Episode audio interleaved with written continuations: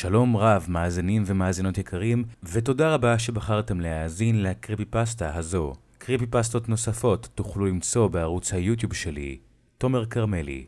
האזנה נעימה. אני בטוח ששמעתם פעם על המונח ספיד רן. זוהי שיטה במשחקי מחשב, בה השחקן מבצע את המשימות של השלב בכמה שפחות זמן כדי להשלים אותו כמה שיותר מהר. לעתים שחקנים מנצלים לאגים וגליצ'ים שהם מוצאים במשחק כדי לסיים אותו יותר מהר. גם אני הייתי שחקן כזה, עד שנתקלתי בלאג בעולם האמיתי. זה לא היה החלום שלי ללמוד במכללה, אבל זה המקום שהגעתי אליו. למען האמת, אני נמצא שם שנתיים ואני עדיין לא יודע מה אני רוצה לעשות. קיוויתי שהקולג' יעזור לי להחליט. אבל במובנים מסוימים, זה רק גרם לי להתבלבל יותר. בגלל זה, די לא טוב לי לאחרונה. אני לא שם לב, אני שוכח לעשות עבודות, ולפעמים אני פשוט לא מופיע בכיתה. עם זאת, זה לא אומר שלא הייתי עסוק. אני משחק במשחקים. הרבה. המשחקים פופולריים יותר מאי פעם, וזה פחות או יותר הדבר היחיד שדבקתי בו כל חיי. בעיני רוב זה דבר שצריך לעשות. כולנו מכירים את הקלישאה של הלוזר שמשחק משחקים כל הלילה וישן כל היום, אבל ממה שראיתי, יש הרבה דרכים להשיג עבודה בתחום הזה. חלק גדול מכך כלל חינוך או שנים של ידע בתכנות. את שניהם אין לי. אבל יש דרכים אחרות להתפרנס מזה. ואחת מהדרכים האלה הובילו אותי למקום שאני נמצא בו היום. החלטתי להיות סטרימר. זה די פשוט. אתה משחק משחקים בשידור חי, אנשים צופים, ואם הם אוהבים אותך, הם תורמים כסף. זהו תהליך שנראה פשוט. אבל כפי שהבנתי במהירות, זה לא פשוט בכלל. יש מאות, אם לא אלפי סטרימרים.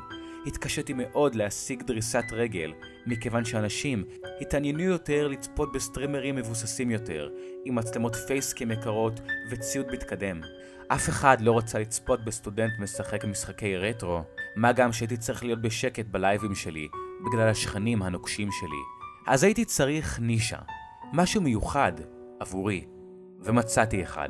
גלשתי בסטרימים הפופולריים, ראיתי מה אנשים מעוניינים לצפות, ובדקתי אם אוכל לקפוץ על הטרנד, כשראיתי משהו פופולרי ביותר. זה היה שידור חי של 24 שעות, שבו במהלך שבוע אנשים היו מריצים משחקים למטרות צדקה.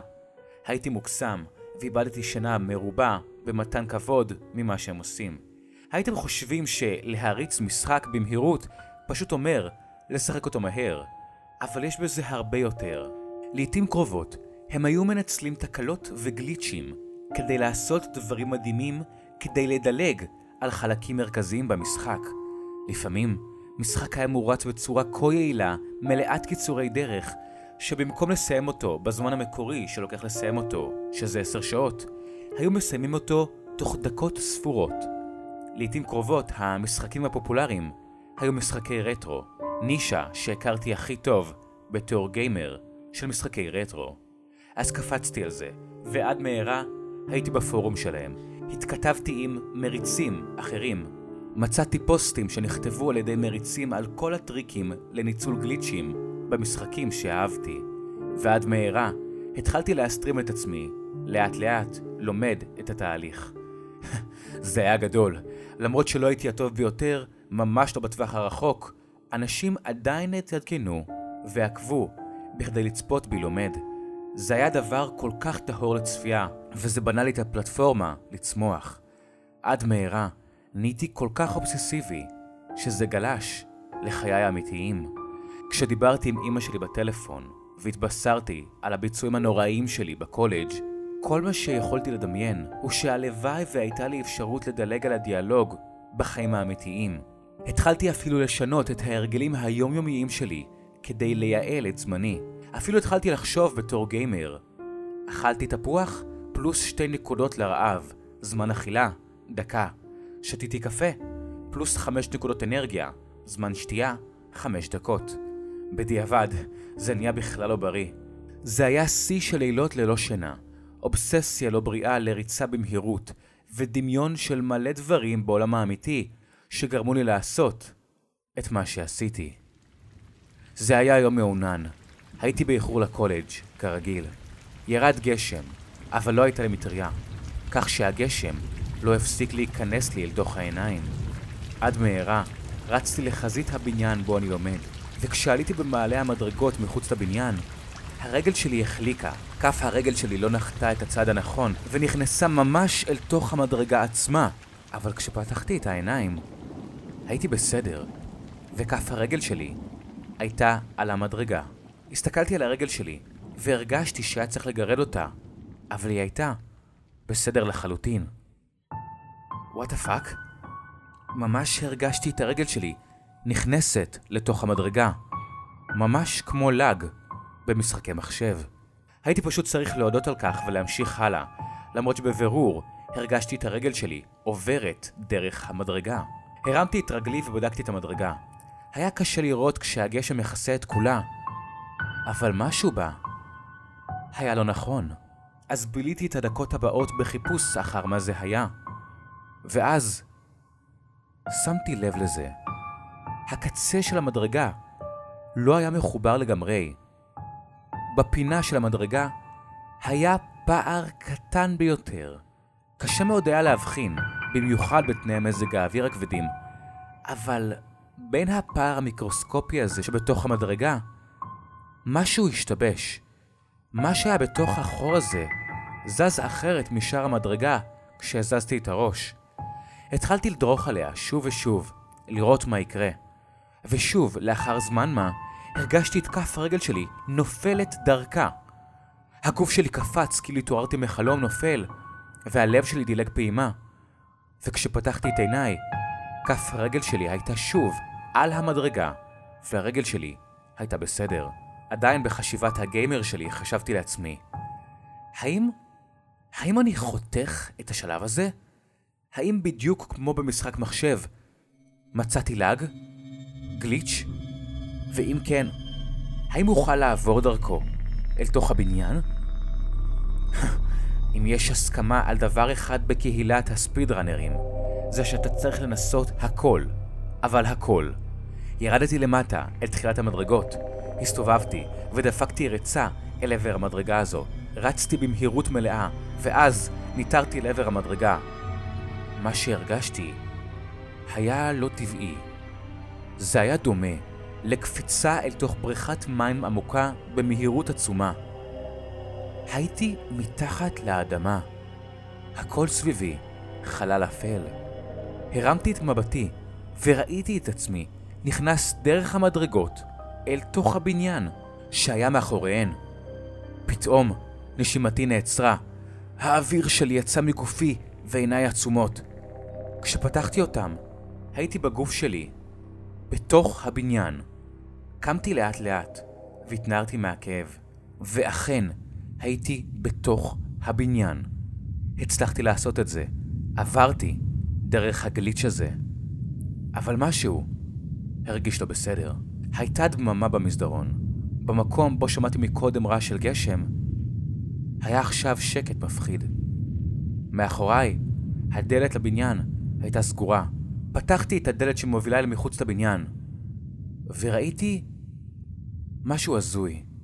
למרות שלא יכולתי לראות את הגשם, עדיין יכולתי לשמוע צליל כבד וקבוע, הדומה לרעש לבן, על עוצמת סאונד מלאה, ואז קלטתי את העולם עליו אני מסתכל. הפריסה הגיאוגרפית, כלומר הנוף עליו הסתכלתי, היה זהה, אבל כל כך הרבה דברים פשוט נראו לא תקינים. הצבעים הרגישו יבשים ושטוחים יותר. מה שהיה פעם קיר לבנים אדומות בקמפוס מול הבניין בו הייתי, היה כעת מרקם מטושטש וחלק, ממש כמו טקסטורה במשחק מחשב. שדה הדשא היה כעת בלגן ירוק, ללא מרקם, ולא היו סימנים לאנשים, למרות שהקמפוס היה מלא באנשים רק לפני כמה רגעים. לא הבנתי מה קורה. צעדתי קדימה כדי לצאת מהדלת, אבל פניי פגעו במשהו חזק והראייה שלי נחסמה. אחרי ששיפשפתי את העיניים, הרמתי את מבטי וראיתי את הדלת. סגורה. מבולבל, פתחתי אותה שוב, ושוב פעם כאשר באתי לצאת, היא לפתע נסגרה שוב. צעדתי קדימה, יותר בזהירות הפעם, אבל פגשתי את אותו גורל. הסתובבתי לאחור והבלטתי בדלת שוב, סגורה. ממש כמו חדר נעול שאי אפשר להיכנס אליו במשחק מחשב. נכנסתי לפאניקה, תחושה קלסטרופובית מילאה אותי מהרעיון של להיות לחוד. נשמתי כמה נשימות עמוקות והחלטתי לחקור את הבניין מבפנים. החלק הפנימי של הבניין לא היה טוב יותר מבחוץ. מה שהיה פעם רצפה מרוצפת, היה עכשיו מה שאני יכול לתאר רק בלגן של צורות מוזרות. כרזות שפרסמו פעילויות שונות במכללה היו פשוט בצבע נייר ריק. הדלתות היו נראות צבועות על הקיר כאילו חלק ממנו, וכשמשכתי את הגוש הבולט של מה שהיה אמור להיות ידית, הן אפילו לא זזו. לאחר כמה נשימות עמוקות נוספות, הסתכלתי שוב מסביב, לחפש משהו שאולי פספסתי. חיפשתי שוב ושוב אחרי מה שירגיש כמו שעות. בכל פעם הגעתי לאותה מסקנה. הייתי תקוע. הדבר החמיר כשהתחלתי לחשוב במונחים של משחקים. במשחקי מחשב במצב ספידרן, יש שני סוגים של לאגים. יש לאגים גדולים שגורמים למשחק שלך לקרוס, ואז המשחק נגמר. אבל יש לאגים, בהם אתה יכול עדיין לזוז, אבל היית תקוע באזור ללא מוצא. ברגע שזה קורה, היית צריך לאפס את המשחק שלך, או למות. לא רציתי לחשוב על זה, אבל יש סיכוי שאני נמצא בתוך הלאג מהסוג השני, שתקעתי את עצמי בתוך לאג במציאות. אבל אז עלה לי רעיון. נכנסתי לבלאגן הזה כשחשבתי כמו גיימר, אבל לא חשבתי כמו גיימר איך לצאת ממנו. לעתים קרובות כאשר אתה שובר את המשחק, אתה משאיר את המשחק במצב שבו אתה יכול לעשות זאת שוב. רק הייתי צריך למצוא את הדרך החוצה. הייתי צריך למצוא גליץ' החוצה. אז עשיתי מה שבודקי אבטחת איכות עושים כדי למצוא באגים במשחקים. קפצתי לכל דבר שראיתי. זה לקח שעות, וזה כאב כל הזמן. קפצתי לקיר אחרי קיר, ניסיתי לפתוח את כל הדלתות שיכולתי למצוא. הסתובבתי בקומת הקרקע. כשזה לא עבד, עליתי למעלה ולמעלה, עד שהייתי בקומה השנייה. התחלתי לוותר על התקווה לצאת מכאן. עד שנתקלתי באחת הכרזות המטושטשות שהיו על הקיר. הקצה של הכרזה התנגש בקצה של כרזה אחרת, והבהב כמו לג במשחק מחשב. דחפתי את היד שלי אל נקודת המפגש של הפוסטרים, והיד שלי עברה דרך זה. זאת הייתה הדרך שלי החוצה. לקחתי כמה צעדים אחורה, רצתי את חיי והתנגשתי באותה נקודה חזק ככל שיכולתי. נפלתי מגובה רב. פגשתי את הרצפה בחבטה קשה. כשקמתי, ראיתי שחזרתי החוצה. דברים היו קצת יותר ברורים עכשיו. הדשא כבר לא היה כתם מוזר וירוק, וניתן היה לראות את הגשם שוב. עם זאת, זה לא היה שלם. כאילו שהעולם עדיין לא נטען באופן מלא. אחרי שהסתכלתי על דברים מקרוב יותר, הדשא עדיין היה טקסטורה ירוקה מוזרה, אך כעת עם חלקי דשא בודדים, שנראים כמו החלקי דשא האלה ממיינקראפט. יכולתי לראות את החלונות בבניינים, אבל החלונות לא היו שקופים.